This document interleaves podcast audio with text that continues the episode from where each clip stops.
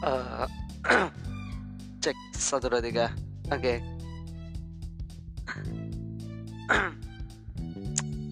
Eh, Bismillahirrahmanirrahim. Assalamualaikum warahmatullahi wabarakatuh. Eh, selamat pagi ya teman-teman. Sini kita cerita-cerita aja, mengos, nah, mengisi kekosongannya. Sebelum lanjut, eh, mungkin ada iklan dulu yang mau lewat. Oke. Oke,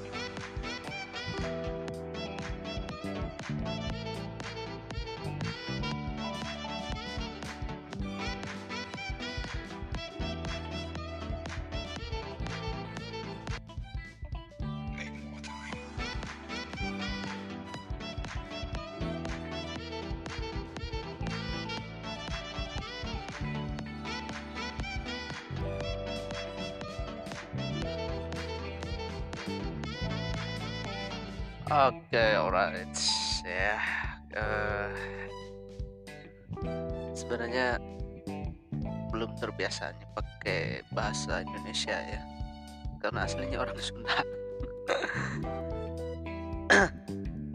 Eh, kita lagi mau ngomongin ini nih, eh, yang apa namanya? Lagi rame sekarang ya, eh, vaksin. Sebenarnya bukan ranahnya juga saya berbicara cuman mungkin ada beberapa lah bukan beberapa mungkin hampir lah karena nggak semuanya ingin divaksin. Sebenarnya itu tujuannya bagus sih vaksin COVID-19 karena jenis vaksin itu kan banyak ya. Karena mungkin ini penyakitnya baru dan semua orang eh, apa namanya agak agak apa namanya ya ragu gitu. Pertanyaannya ini aman gak sebenarnya aman sih kalau vaksin itu begitu disuntik nggak langsung efeknya langsung muncul ya. Jadi dia itu uh, sifatnya uh, apa?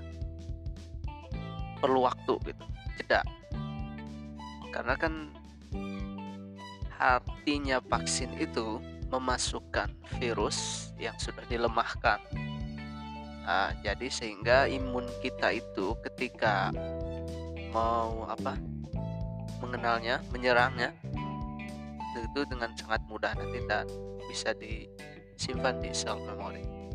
Kurang lebih seperti itu kalaupun ada yang salah mungkin bisa ditambahkan ya. Uh, maaf sebelumnya untuk profesi saya mungkin tidak mau saya sebutkan kenapa tiba-tiba kok jadi bahas vaksin karena mungkin lagi ramainya vaksin. Jadi mau sedikit memberi arahan gitu atau pengetahuan. Nah yang sekarang mungkin itu pemerintah itu jadi dengan adanya vaksin ini diharapkan ya uh, Indonesia itu ekonominya bisa pulih ya orang-orang bisa beraktivitas walaupun tidak apa namanya uh, mengabaikan 3M uh, pakai masker jaga jarak dan cuci tangan. Dan mungkin itulah vaksin ya karena vaksin itu banyak sekarang yang beredar di media sosial terutamanya Facebook ya. Kenapa Facebook kenapa enggak Instagram enggak enggak Instagram atau enggak media sosial yang lainnya gitu karena Facebook itu mudah dijangkau hampir 80 persennya orang Indonesia itu memakai Facebook dan 100 persennya tahu Facebook dan 20 persennya itu enggak menggunakan Facebook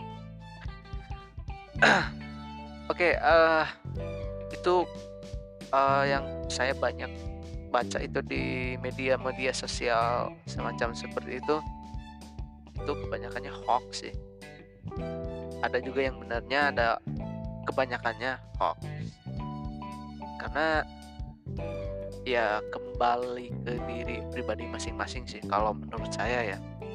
Kalau misalkan kalian mau apa namanya uh, aman gitu ya aman dari virus ini ya sebenarnya nggak ada jaminan juga sih. Karena kan virus COVID-19 ini sebenarnya ini adalah varian baru gitu. Padahal varian sebelumnya itu ada gitu yang tahun-tahun sebelumnya itu. Karena penyakitnya baru otomatis uh, ilmu yang di upgrade itu pasti baru lagi baru lagi. Bukan berarti yang sebelum-sebelumnya salah yang ngomongnya yang kan, kan kalau dulu kan seperti contoh kecilnya masker gitu ya. Masker hanya untuk orang sakit dan medis. Karena sekarang pandemi semuanya pakai masker gitu ya. Banyak yang orang bilang konspirasi ya terserah lah kalian mau bilang konspirasi atau mau bilang ini wabah beneran ataupun ya sebagai cobaan dari sang pencipta tergantung kalian menyikapinya termasuk vaksin ini gitu.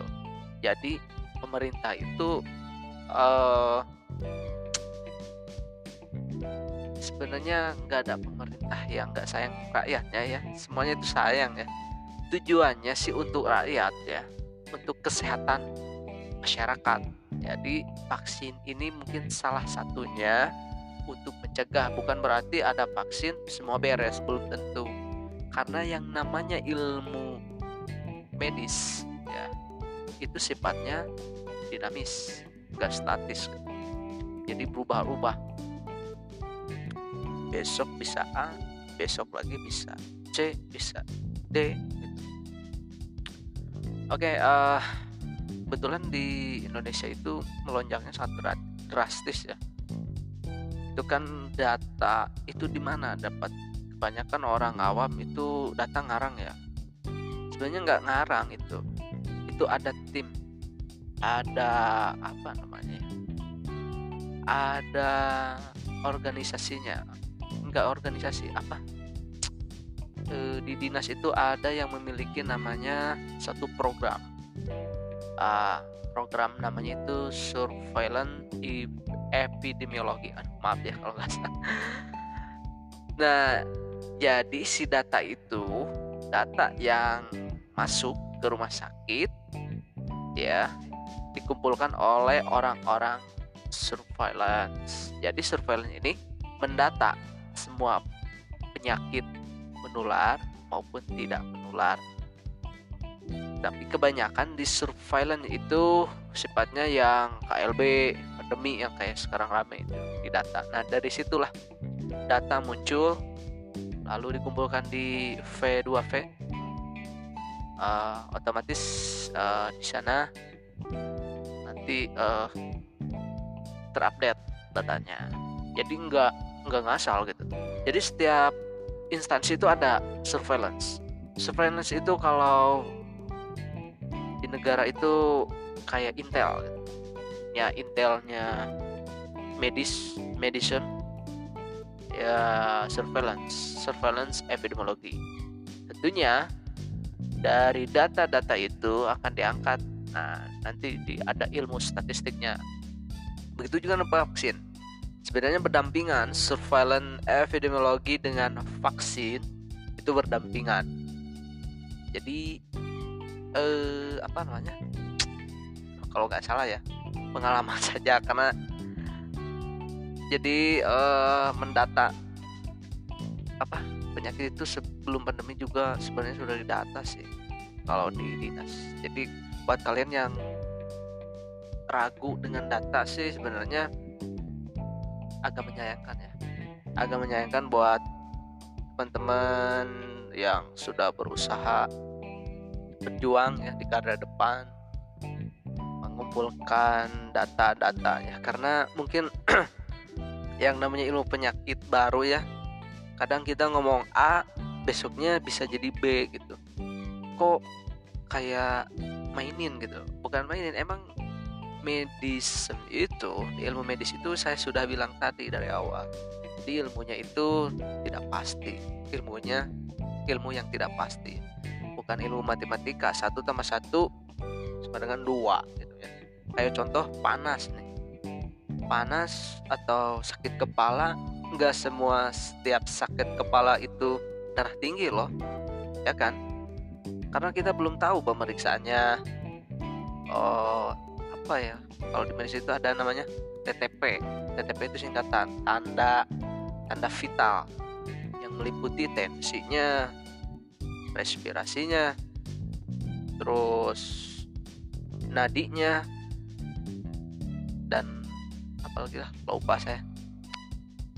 Ya kalau kan pusing misalkan. Wah ini darahnya kurang nih. Pasti tensi ternyata tinggi kan.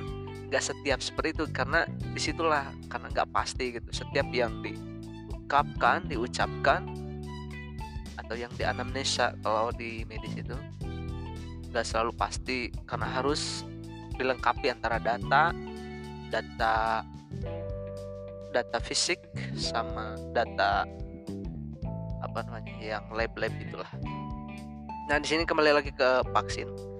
Jadi vaksin itu kan banyak jenisnya ya, yang dari merek bahkan sempat menjadi perbincangan untuk saat ini. Orang-orang ketika divaksin dua minggu minggunya meninggal ya dihubungkannya dengan vaksin karena bingung juga sih. Karena musimnya vaksin ya vaksin. Musimnya pandemi pandemi. Musimnya bunga janda bolong ya. Janda bolong gitu. Ya kita ini sebagai umat manusia sih wajibnya diikhtiar gitu ya. Ikhtiar. Kalaupun toh itu kematian sudah waktunya ya kita tidak bisa apa-apa karena banyak sih. Orang-orang yang tidak melakukan 3M banyak banyak sekali di Indonesia ini. Karena kan kalau kita lihat ya 3M kayaknya buat orang orang yang menengah ke atas. Coba harus beli masker hand sanitizer. Kalau orang-orang di pasar kayaknya gak mungkin. Orang jalanan mungkin juga ya. Tapi mereka sehat. Ya karena mungkin terbiasa dengan imunitasnya yang keras ya. Apa kita harus seperti itu? Ya silahkan bebas-bebas saja yang penting kita ikhtiar kembali saya gitu. Jangan takabur lah gitu. Teman-teman kita sehat nih nggak mungkin mental nih sama virus itu nah mungkin vaksin ini salah satu ikhtiar ya. Ikhtiar masyarakat. Eh ikhtiar maaf ikhtiar pemerintah untuk menolong masyarakat melindungi masyarakat dari virus ya. Ya biar bersahabat lah. Kalau kata Pak Presiden waktu itu biar bersahabat dengan virus. Oke okay, uh, eh, itu ya uh, mengenai si vaksin. Saya juga kurang tahu ya bahan-bahannya dari apa saya nggak tahu. Cuman itulah artinya vaksin itu semacam itu. Kenapa harus 14 hari gitu kan? Uh, itu kan sudah ada teorinya tuh. Kayak isolasi kenapa harus 14 hari? Karena imun itu nggak langsung itu masuk agent atau virus atau bakteri pun jamur antibody kita itu tidak langsung butuh waktu. Gitu. Oke okay, uh, eh, kembali lagi ke si vaksin ya. Kok yang bahas vaksin? Ini saya ngomong ini karena nggak ada kerjaan. Orang-orang ya musik dulu ah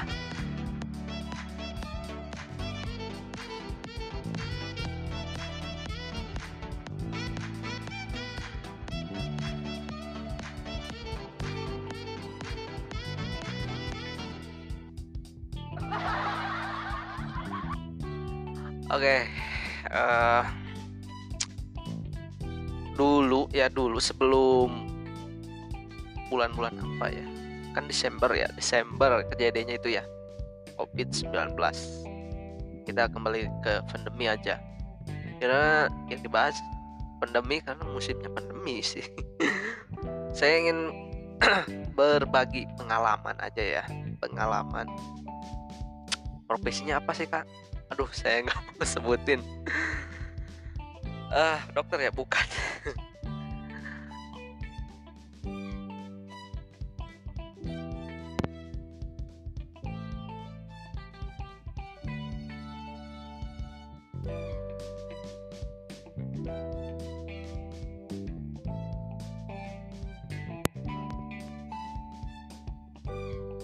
Halo saudara, oke, okay.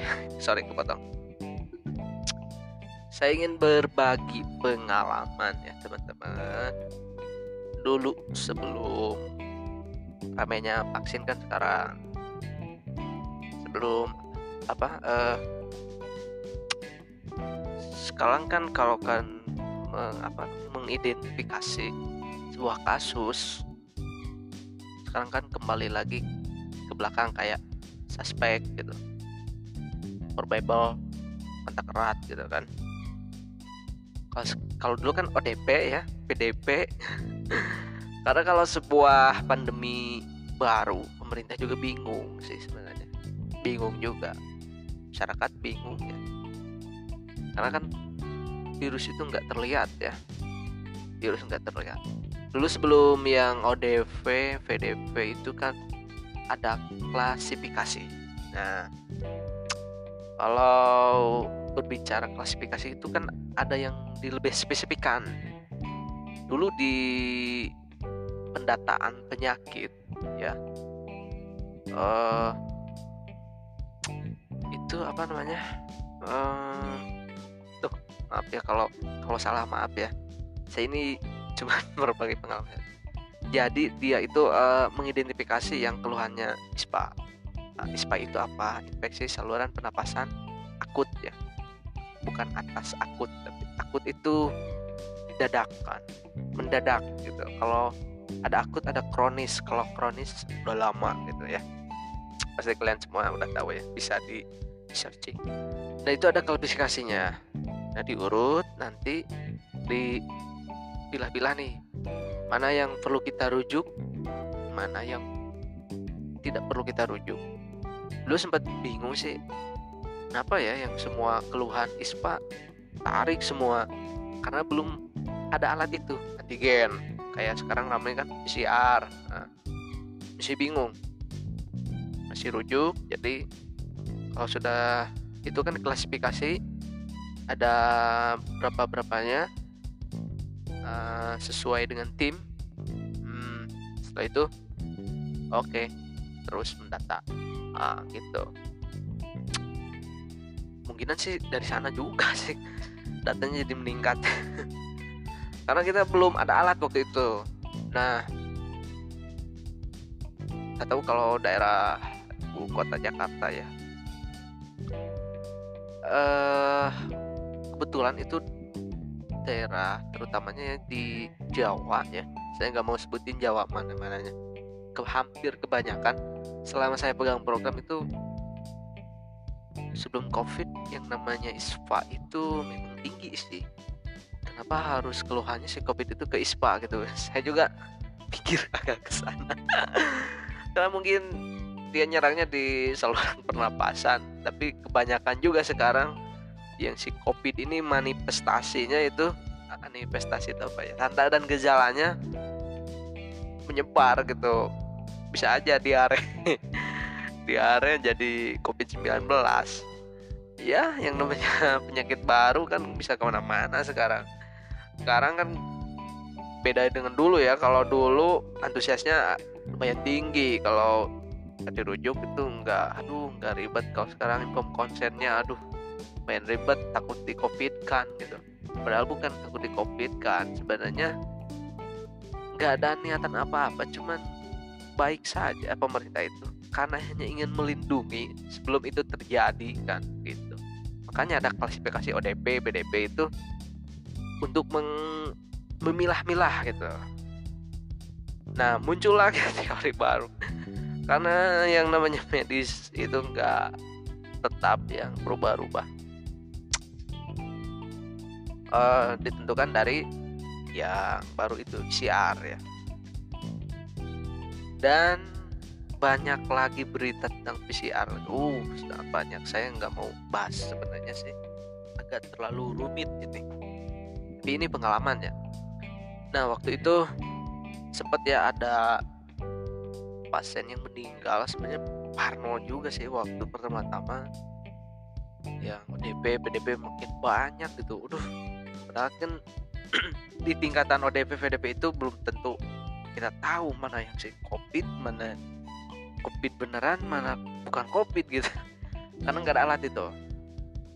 Jadi kalau dulu itu sebelum ada alat ya alat PCR kalaupun dia meninggal dengan keluhan yang saya sebutkan tadi dengan ispa ya mau tidak mau harus protokol covid pasti masyarakat kok kenapa sih? Protokolnya covid karena kan belum covid nah itu dia permasalahannya. Karena untuk melindungi ya. Tapi mungkin orang-orang akan berpikir lagi wah ini buat nakut-nakuti masyarakat nih. Maksudnya bukan buat menakut-nakuti buat melindungi. Kalau karena alatnya belum ada ya waktu itu ya sebelum-sebelum yang sekarang. Kalaupun dia misalkan positif wah repot juga nih. Kita nggak bisa mengisolasi keluarganya mengkarantina. Gitu. Makanya protokolnya harus standar covid. Kalaupun misalkan hasilnya negatif ya alhamdulillah. Dengan mungkin efeknya yaitu apa? Bahwa seolah-olah kita mengkopitkan gitu padahal bukan sih hanya melindungi menganstip apa namanya antisipasi lah gitu. Itulah pengalaman waktu yang udah punya. Kalau sekarang PCR kebetulan saya udah keluar sih udah keluar ya. Baru keluar dari tim. Udah pusing soalnya. Soalnya kalau ada yang satu aja ya yang positif terus dia kontak eratnya ke mana-mana aduh kebayang itu. Sebagai pemegang program itu waduh capek. Minta ampun teman-teman. Capeknya minta ampun pasti yang orang-orang surveillance pasti tahu lah kerjanya. Capek sekali. Makanya ya kalau tapi kalau disenangi ikhlas ya enak aja gitu. Tapi kalau saya orangnya ya kalau sesuatu yang sudah tidak mampu gitu nggak perlulah dipaksakan kalau udah kena mampus covid terlalu beresiko. Soalnya kita kan tidak tahu nih. Bisa bisa saja saya udah di swab dua kali hasilnya negatif. Besoknya kena kan nggak tahu kita. Padahal saya juga lagi mengistirahatkan. Udah empat hari batuk pilek oke uh, oke lanjut ya. Setelah itu ada nah dari dinas itu alat yang dulu kan rapid ya. Karena rapid itu hanya mencek imun ya IgG IgM jadi lanjut ke PCR nah PCR jadi PCR itu teman-teman saya ceritakan aja ya ini pengalaman. PCR itu dia itu di apa di di data dapat dapat alat PCR itu setiap orang itu satu gitu. Jadi misalkan gini oh, agak susah juga nih. Misalkan ada si A nih. Si A bukan si A sih gini. Dulu itu targetnya uh, instansi pemerintahan dulu. Kenapa instansi pemerintahan? Nah, ada kategorinya. Instansi pemerintahan maaf. Orang dalam pelaku perjalanan apalagi ya uh, kontak erat. Kontak erat sama orang yang uh, covid. Nah. Jadi ini menceritakan pengalaman ya pendataan. Jadi kan banyak yang nanya dari mana angka itu? Kan kayak itu nah di sini awal mulanya. Jadi P2P itu ada program disurvey ya, yang kategori itu instansi pemerintahan kita ambil dulu yang kayak camat kepala desa stafnya terutama pegawai medis ya. Ataupun yang pegawai medis misalkan dari kota A kerjanya di rumah sakit misalkan jadi relawan. Nah itu misalkan harus dicek nih dia pulang nggak nih ke rumah? Dicek kontak dengan siapa? Gitu. Nah itu si PCR itu gak sembarang harus cek jadi ada kategorinya yang kontak eratnya banyak. Karena kan di sini pandemi itu penyebarannya ya karena penyebarannya. Nah tekniknya ada yang jemput bola ada juga yang diundang. Karena kita gak mau ribet dan saya mikirnya gini loh kalau kita jemput bola ya misalkan ke desa pakai hajmat uh pasti nyangkanya orang wah ada covid nih di sini. Gitu bro. Kalau saya dulu di tim janganlah jangan tekniknya jangan seperti itu. Emang dari atasnya harus seperti itu. Karena saya ber ber apa namanya ide lah gitu. Udah mending undang aja gitu biar istilahnya meminimalisir gitu meminimalisir penyebaran penyebaran ketakutan. Bukan ya begitu jadi ya minimalisir waktu kerja juga karena kebayang loh kalau banyak gitu. jadi kita tinggal nyiapin ruangan aja khusus sama orang lab. Nah di situ kita swipe yang kategori yang dari itu. Kita swipe. Nah kita swipe itu uh, dikasihnya ke Bedove berikut dengan instansi yang lain. Ya. Jadi nggak keluarnya nggak langsung keluar. Nggak langsung keluar nggak. Kenapa bisa lama? Sebenarnya cepat nggak perlu 24 jam. Cepat karena banyak karena banyak nih ya. Karena banyak jadi numpuk karena itu satu pintu yaitu lab kesda jadi nggak bisa uh, walaupun dia swasta tetap masuknya ke lab kesda gitu. Aku mikir di sini wah kalau orang-orang tertentu yang cepat tahu hasilnya nih kemungkinan nih jadi nih kalau pelanggaran-pelanggaran pungli gitu. Tapi aku mikirnya gini kalau ini lama di antri akurat gak ya? Makanya aku nggak yakin kalau angkanya segitu gitu pasti ini lebih kalau pikirnya. Ya mudah-mudahan saja sih kalaupun angkanya lebih ya minimal kita sehat aja kebal gitu sama virusnya. Kata kata orang-orang sih bersahabat. Jangan dimusuhi lah karena virus juga ciptaan Allah. Ya oke okay, teman-teman. Jadi itu pengalaman di ya katakanlah intel kesehatan surveillance ya. Jadi pandemi ini cukup menguras segala hal ya. Pemerintah sudah mengalokasikan dana.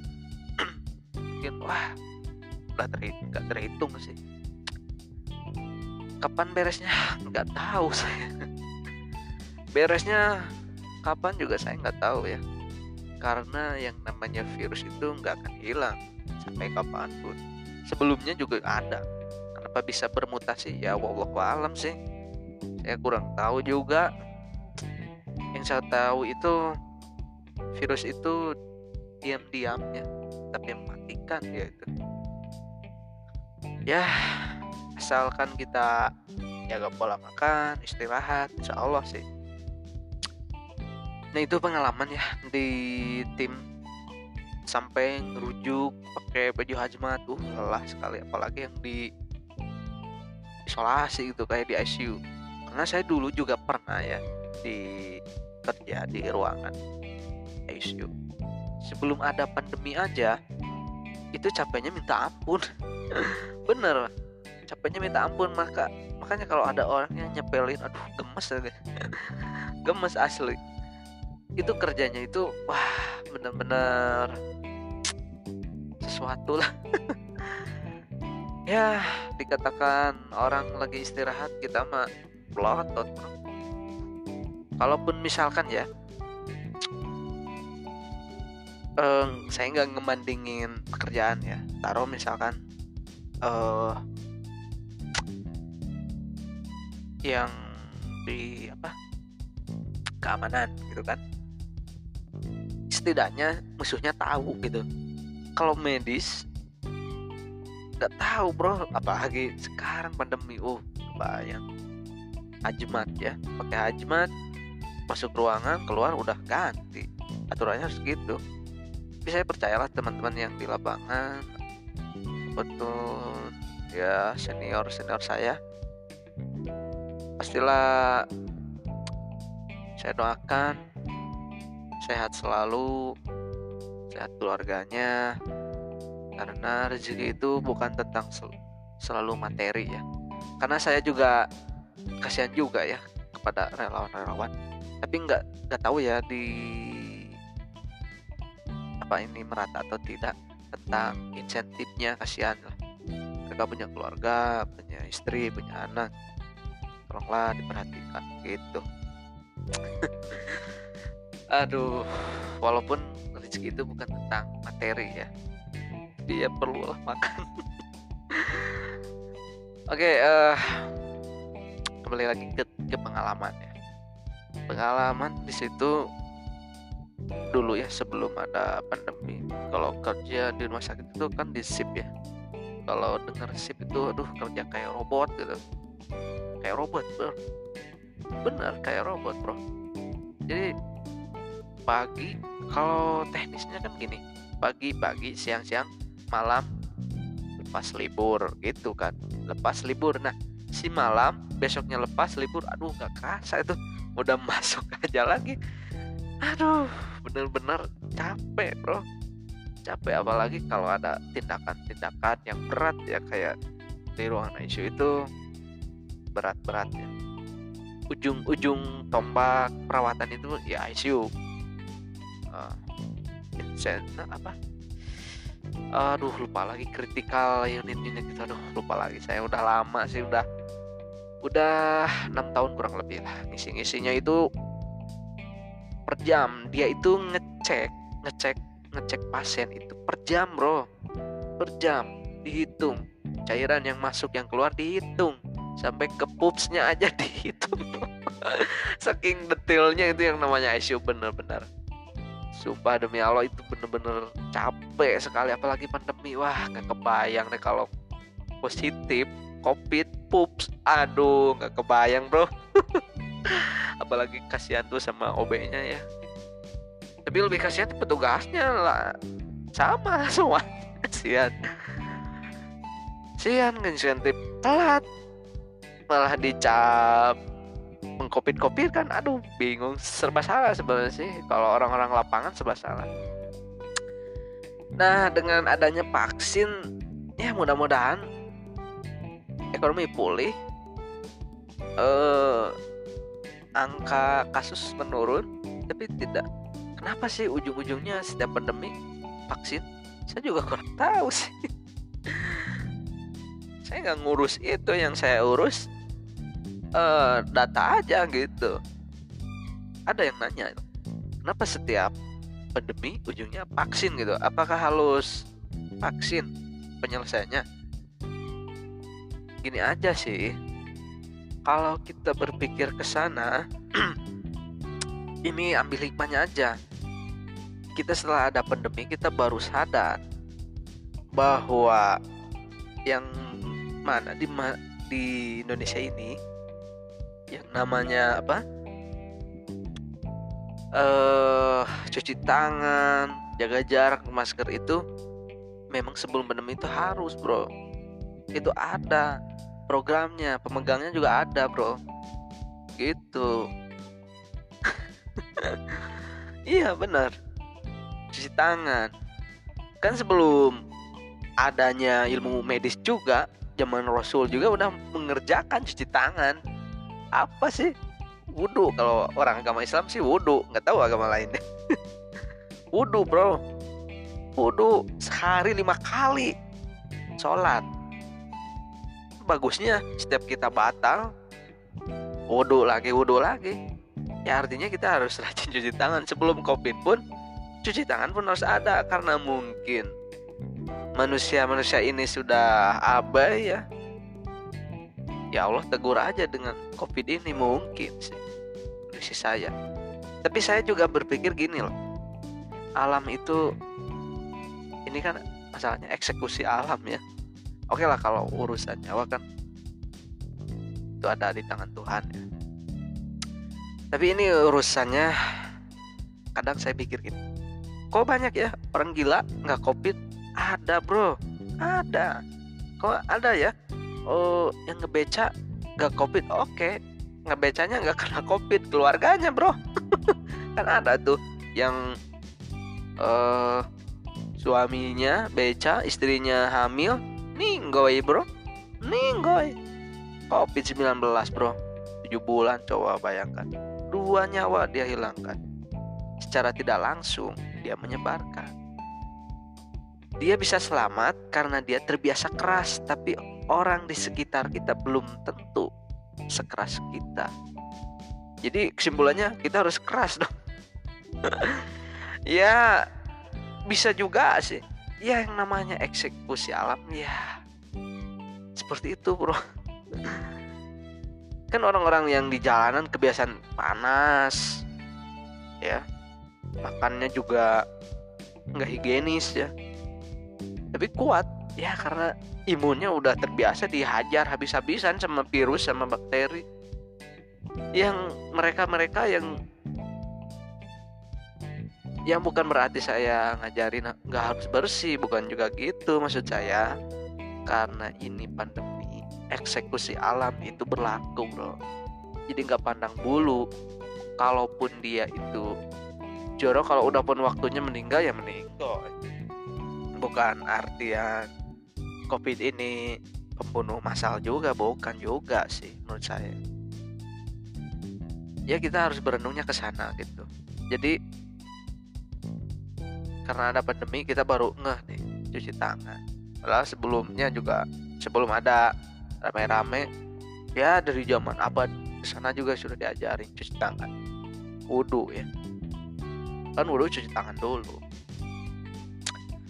Uh, oh ya ini ada info lagi nih. Nggak mau saya sebutin kabupaten mana provinsi mana nggak mau. Itu per tanggal 20 Januari itu. Saya nggak yang nakut-nakuti. Tapi kematian emang ada dari dulu juga. Cuman ini karena musimnya the covid king the covid. Oke okay, julukannya king the covid itu per hari 10 kalau di rata-rata itu. 155 kebayang. Berarti sehari sepuluhan. Ya sepuluhan. Kalau dulu sebelum covid ada gak segitu? Aduh kurang tahu saya. Soalnya lagi rame. Ya kembali lagi. Lagi rame covid covid. Lagi rame vaksin vaksin gitu sebenarnya agak agak riskan agak berbahaya gitu kalau ngebahas ini. Karena banyak yang yang harus dijaga itu kata-kata ya. Kata-kata. Jadi takut salah saya. Ini informasi-informasi yang saya dapatkan ini real ya. Jadi buat teman-teman yang mau divaksin nggak mau divaksin kembali lagi ke pribadi masing-masing.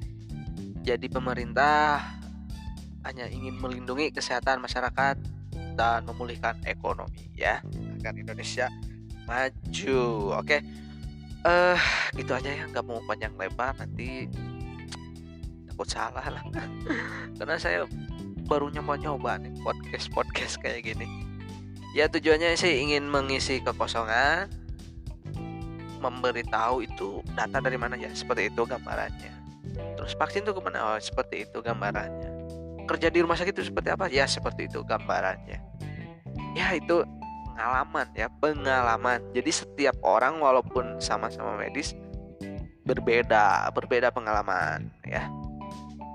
Berbeda berbeda pengalaman antara medis rumah sakit puskesmas, klinik, puskesmas aja terbagi-bagi lagi, berbeda-beda lagi pengalaman. Jadi kita hanya membuka wawasan, berbagi pengalaman agar semua terbuka ya dan ya mudah-mudahan dengan adanya pandemi ini kita lebih bisa menjaga kesehatan, sayangi keluarga dan berdoa semoga pandemi ini cepat beres ya. Oke. Sebelum saya tutup kita jeda dulu dengan musik ya saya tutup tutup aja lah tutup itu aja lah. Assalamualaikum warahmatullahi wabarakatuh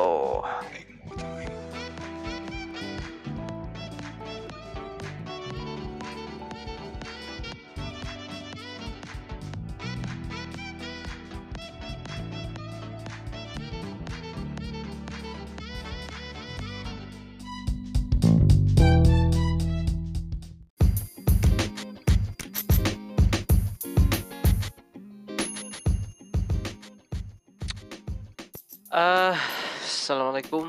Selamat pagi teman-teman. Oke. Masih di suasana pandemi ya. Dan covid mudah cepat beres. Amin. Uh, Kali ini kita Ngobrol-ngobrol santai aja. Santai ya. Santai ya kayak di pantai gitu. Uh, untuk yang siswa-siswa atau mahasiswa maupun anak-anak. Yang masih di rumah atau belum masuk sekolah atau masih daring ya. Sabar aja yang mudah-mudahan cepet beres pandemi ya. Kebayang lah kalau nggak di lock ya sekolah itu kasus tambah banyak ya tambah banyak. Eh uh, semoga yang lagi berlangsung ini proses vaksinasi cepat beres dan lancar ya. Eh, uh, kalau kakak udah divaksin? Saya, aduh, belum. nanti, nanti, nanti. Ada datanya, ada datanya. Setiap wilayah ada, ada, ada. Ya, lewat SMS notifikasi, tinggal diaktifin, daftarin langsung. Oke. Okay. Oke, okay, uh, eh, sekarang kan ada yang kasus eh, bukan kasus apa ya? Karena keseringan pakai masker jerawat ya. Oke, okay, itu kenapa sih bisa bisa jerawat? Banyak sekali faktornya ya, banyak sekali. Jerawat, jerawat ya, atau bahasa medisnya itu uh, akne itu dikutip dalam sebuah buku yang apa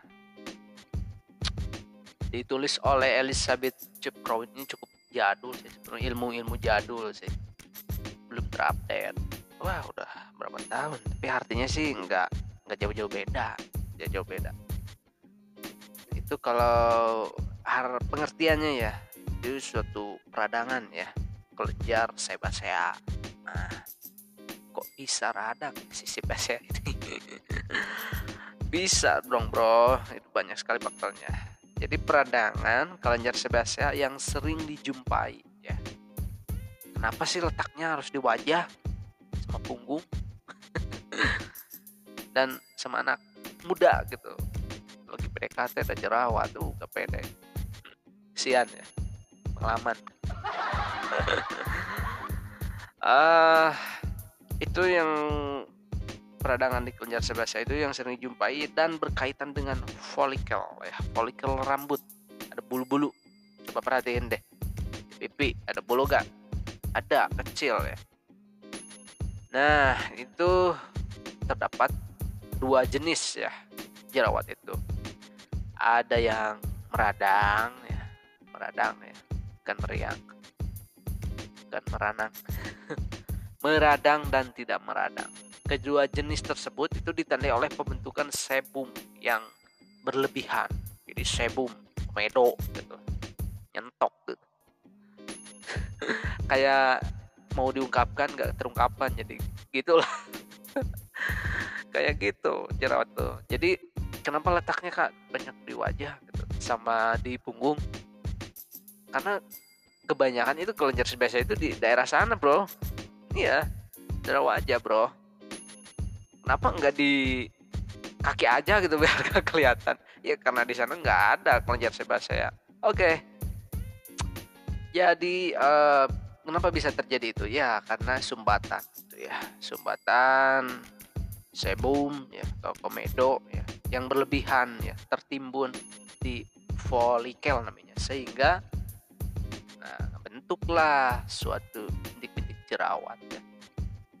makanya kalau ada perasaan ungkapin aja. Ditahan-tahan jadi jendol. Kalau secara ilmu medisnya seperti itu. Eh jerawat itu kenapa sih ya? Di remaja gitu kan? Dan dewasa muda. Uh, kebanyakannya itu yang lebih sering itu pada anak laki-laki. Kenapa karena anak laki-laki itu aktivitasnya banyak tinggi ya. Main sana ke sini capek lelah tidur lupa cuci muka ya apalagi cuci tangan. Eh apalagi cuci tangan cuci muka aja udah wah pasti udah sering lupa. Cuci tangan aja lupa ya yang sering digaungkan oleh masyarakat eh masyarakat oleh pemerintah ya. Aduh sorry bro jadi itulah kembali lagi. Wudhu wudhu ya. Batal wudhu minimal bersih lah gitu. Ya kalaupun udah waktunya jerawat muncul yang nggak bisa ditahan. Harus dikeluarin komedonya. Gitu. Ini penyebab penyebab jerawat itu itu ya. Yang biasanya sih juga dirangsang oleh androgen ya. Terutama yang namanya hormon itu testosteron ya anggap aja ini kita belajar belajar bareng ya karena sekolah tutup ya paksa kalian dengerin aja di podcast abal-abal lah boleh abal-abal atau apa bebas Nah, ini peningkatan pada hormon tersebut ya, pada androgen ya, tajam itu biasanya remaja putri. Dan remaja putra selama pubertas merupakan penyebab munculnya akne dengan tingkat keparahannya. Infeksi bakteri ya di garuk-garuk atau di pencet-pencet kan lupa cuci tangan habis pegang apa-apa nempel namplok di situ jerawat nah ada bakteri nempel ke bawah ke sana ya tambah parah Nah, yang pada polikol ini ya tersumbat diperparah oleh hygiene ya. Hygiene, kurang gizi, buruk, stres. Ya, stres diputusin, nggak diterima jadi gitu. Pengalaman ya. Secara genetis itu rentan ya terhadap akne yang mungkin berkaitan dengan sensitivitas berlebihan kelenjar sebasea terhadap androgen, estrogen melawan aktivitas androgen pada kelenjar sebasea dan mengurangi pembentukan akne. Oke. Gambaran klinis ya. Tadi definisi tentang jerawat. Gambaran klinis itu tanda gejala yang nampak gitu yang terlihat. Itu pada seorang individu timbul bermacam-macam seperti lesi ya lesi lesi lecet lecet ya. Berupa komedo komedo terbuka ya yang jendol jendol itu yang putih itu harus dikeluarin. Biasanya bisa sih pakai ada namanya di alat di alat kecantikan itu yang buat ngangkat komedo. Bisa sebenarnya bisa sama sendiri sambil kaca gitu. Ada yang bentuknya bulat tuh ada yang bentuk jepitan. Nah itu diangkat tuh. Namanya apa ya? Bukan jepitan baju ya. Iya buat ngangkat komedo. Tapi banyak sih ada yang berbentuk masker gitu kan. Ah, banyak kertas kertas gitu lah. Nah di situ komedo yang diangkat ya Nah itu gambaran klinisnya ada komedo terbuka, komedo tertutup, ada nodus, pustul, kista. Oh banyak sekali bahasanya aneh ya. Dan jaringan farut ya. Lesi biasanya terdapat di wajah punggung dan bahu ya. Belakang ya. kalau orang Sunda bilang tongong. Ya di daerah itu kelenjar sebesar itu banyaknya di sana. Jadi uh, kenapa jerawat sih nggak nggak di kaki gitu biar nggak malu gitu.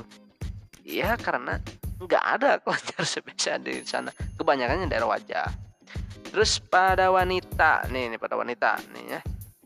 Akne dapat meningkat sebelum atau selama periode head waktu kadar estrogennya rendah gitu. Jadi kalau kadar hormon itu rendah timbullah jerawat bro gitu. Hmm, untuk kasus-kasus komplikasinya ya. Jaringan parut terbentuk pada kasus yang parah rasanya percaya di percaya diri terganggu ya. Karena kalau jerawat kalau udah membekas waduh susah hilangnya bro. Iya susah hilangnya bro. Kayak sakit hati gitu. Suka hilang.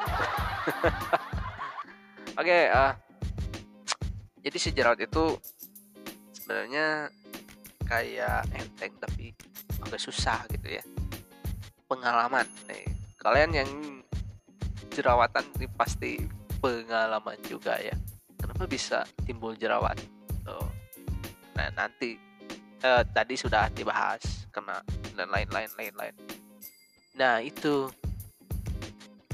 eh, buat teman-teman nih yang udah pengalaman kena jerawat atau yang senior yang membekas. Ya.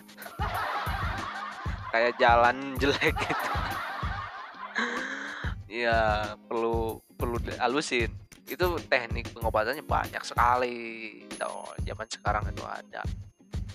Ada yang suntikin langsung itu pakai serum ya diambil. Serum sendiri suntikin biar nggak ada apa namanya yang jendol eh, yang ya, yang lubang-lubang gitu. Kayak jalan sekarang. Ya kayak jalan yang lubang-lubang lemes ada lubangnya lembut ada lubangnya gitu. Itu ada ada pengobatannya. Banyak banyak banyak banyak sekali. Tergantung kecocokan kecocokan pengobatannya gitu loh. Iya benar.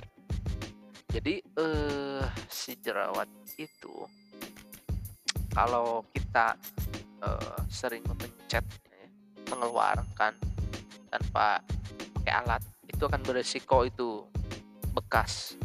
Dan bekasnya itu waduh parah banget berlubang gitu. berlubang asli. Ada juga yang obat-obatan ya sebenarnya ada resikonya ya. Yang namanya obat medis kan alternatif sebenarnya nggak harus continue atau sifatnya konsumsi konsumtif kan. Kalau kebanyakan sekarang kan suntik ya. Kayak pemutih pemutih apa? Kulit ya. Ada itu namanya obatnya. Namanya itu Laros Corbin itu ada C sama kolagen kalau continue dia bahaya lah bahaya. Sesuatu yang ada manfaatnya belum tentu nggak ada tidak bahayanya atau efeknya. Ada bro. Ada asli. Kalau vitamin C kalau sering banyak itu kan. Kena ke ginjal bro. Ya kalau kalian nggak mau hal itu terjadi sebenarnya kembali lagi sepele kayak musim corona ini. Cuci tangan bro. Sama cuci muka. Ya sama cuci muka. Sama ya jangan banyak keluyuran juga malam-malam. Karena kalau malam-malam itu kan waktunya istirahat itu kelenjar sebasnya itu meningkat. Makanya keluar banyak minyak minyak minyak gitu. Coba kalau minyaknya bisa dijual. Kalau ini menghasilkan jerawat aduh. Oke segitu aja ya. Saya tutup. Assalamualaikum warahmatullahi wabarakatuh